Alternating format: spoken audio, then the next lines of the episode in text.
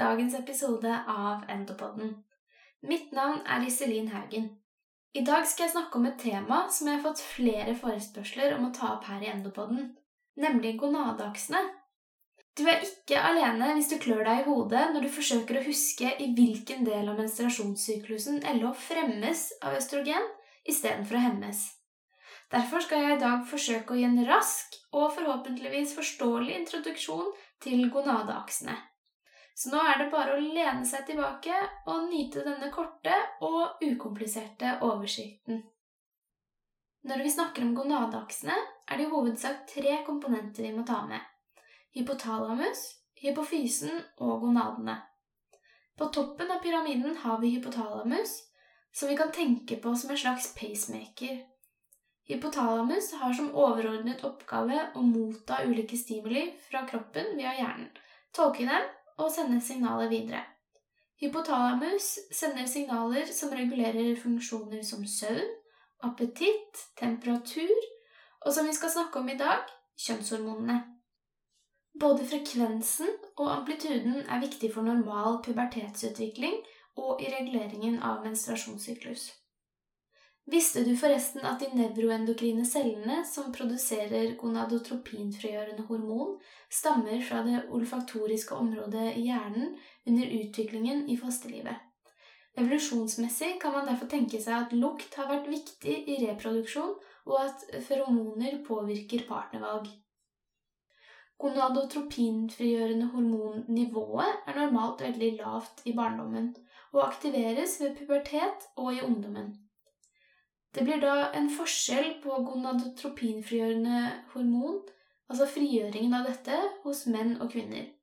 Hos gutter skjer dette ved en konstant frekvens, mens hos jenter varierer frigjøringen med menstruasjonssyklusen.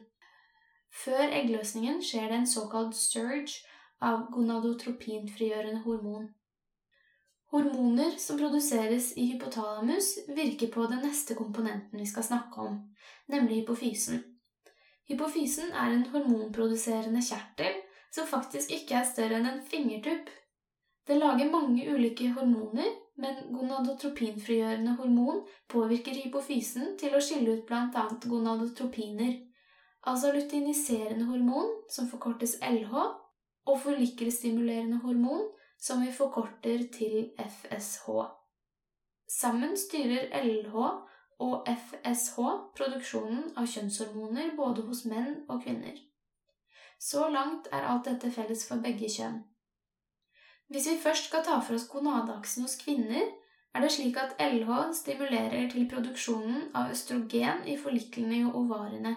Mer presist påvirker de TK-cellene til å produsere androgener, som igjen brukes som substrat for å produsere østrogen i granulosacellene. FSH påvirker granulosacellene. For normal østrogenproduksjon er vi altså avhengige av LH, FSH, TK-celler og granulosaceller. Det andre viktige kvinnelige kjønnshormonet, progesteron, produseres i stor mengde i cellene som er igjen etter eggløsning, i det vi kaller for det gule legemet. Kanskje husker du at progesteron kalles eggløsningshormonet? Dersom egget ikke befruktes, vil det gule legemet slutte å produsere progesteron etter omtrent 14 dager. Ovariene produserer flere hormoner også, f.eks.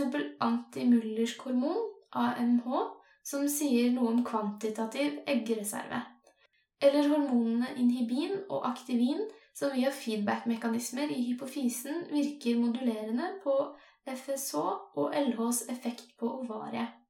Men hva mener vi egentlig med feedback? Noe av det som er typisk ved gonadeaksene og hormonregulering generelt, er det fenomenet som kalles negativ feedback. Høye konsentrasjoner av LH, FSH og inhibin virker hemmende på hypofysen og hypotalamus. Hvis det er høye nivåer av endeprodukt i aksen, blir signalet om å pushe på ovariet ovenifra lavere. Nedover i aksen virker hormonene stimulerende på trinnet under mens hormonene har hemmende virkning oppover i aksen. Dette skjer for å passe på at hormonnivåene i sirkulasjonen ikke øker ukontrollert. Noe som kan forvirre mange av oss, som jeg også snakket om tidligere i episoden, er dette unntaket fra regelen om negativ feedback som gjelder østrogen og LH. Normalt sett vil store mengder østrogen føre til en lavere produksjon av LH. Unntaket fra denne regelen gjelder ved midtsyklus i menstruasjon, hvor det er en periode der østrogen faktisk fremmer produksjonen av LH. Dette skjer rett og slett fordi det er nødvendig for at eggløsning skal være mulig. LH spiller da en rolle i å fremme utviklingen av én eggcelle, slik at den alene kan modnes. Det er jo nemlig slik at flere eggceller modnes av gangen, i såkalte forlikler, men kun én blir utvalgt til å gjennomgå eggløsning og være den av eggcellene som potensielt kan bli befruktet. Det er forresten slik at eggcellen i forlikelen med høyest nivå FSH er den som vinner denne konkurransen. De mindre dominante eggcellene vil gå til grunne. Etter en slik LH-surge kommer eggløsningen som regel innen 12-24 timer etterpå. Visste du forresten at tap av pulsatiliteten av LH er en vanlig årsak til hvorfor kvinner noen ganger kan miste menstruasjonen ved stort stress? Hvis vi nå går over til den mannlige aksen, kan jeg kort forklare hvilken funksjon LH og FSH har hos menn.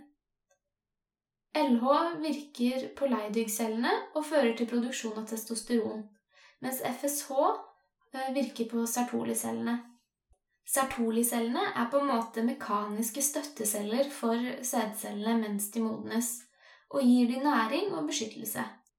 Eh, hos menn produseres inhibin i disse cellene, og som har negativ feedback på FSH-utskillelsen i hypofysen. Som hos kvinner fører høye konsentrasjonen av NO-hormonet til negativ feedback oppover i aksen, slik at produksjonen nedreguleres. Før vi avslutter, vil jeg gi en rask oppsummering av det jeg har snakket om.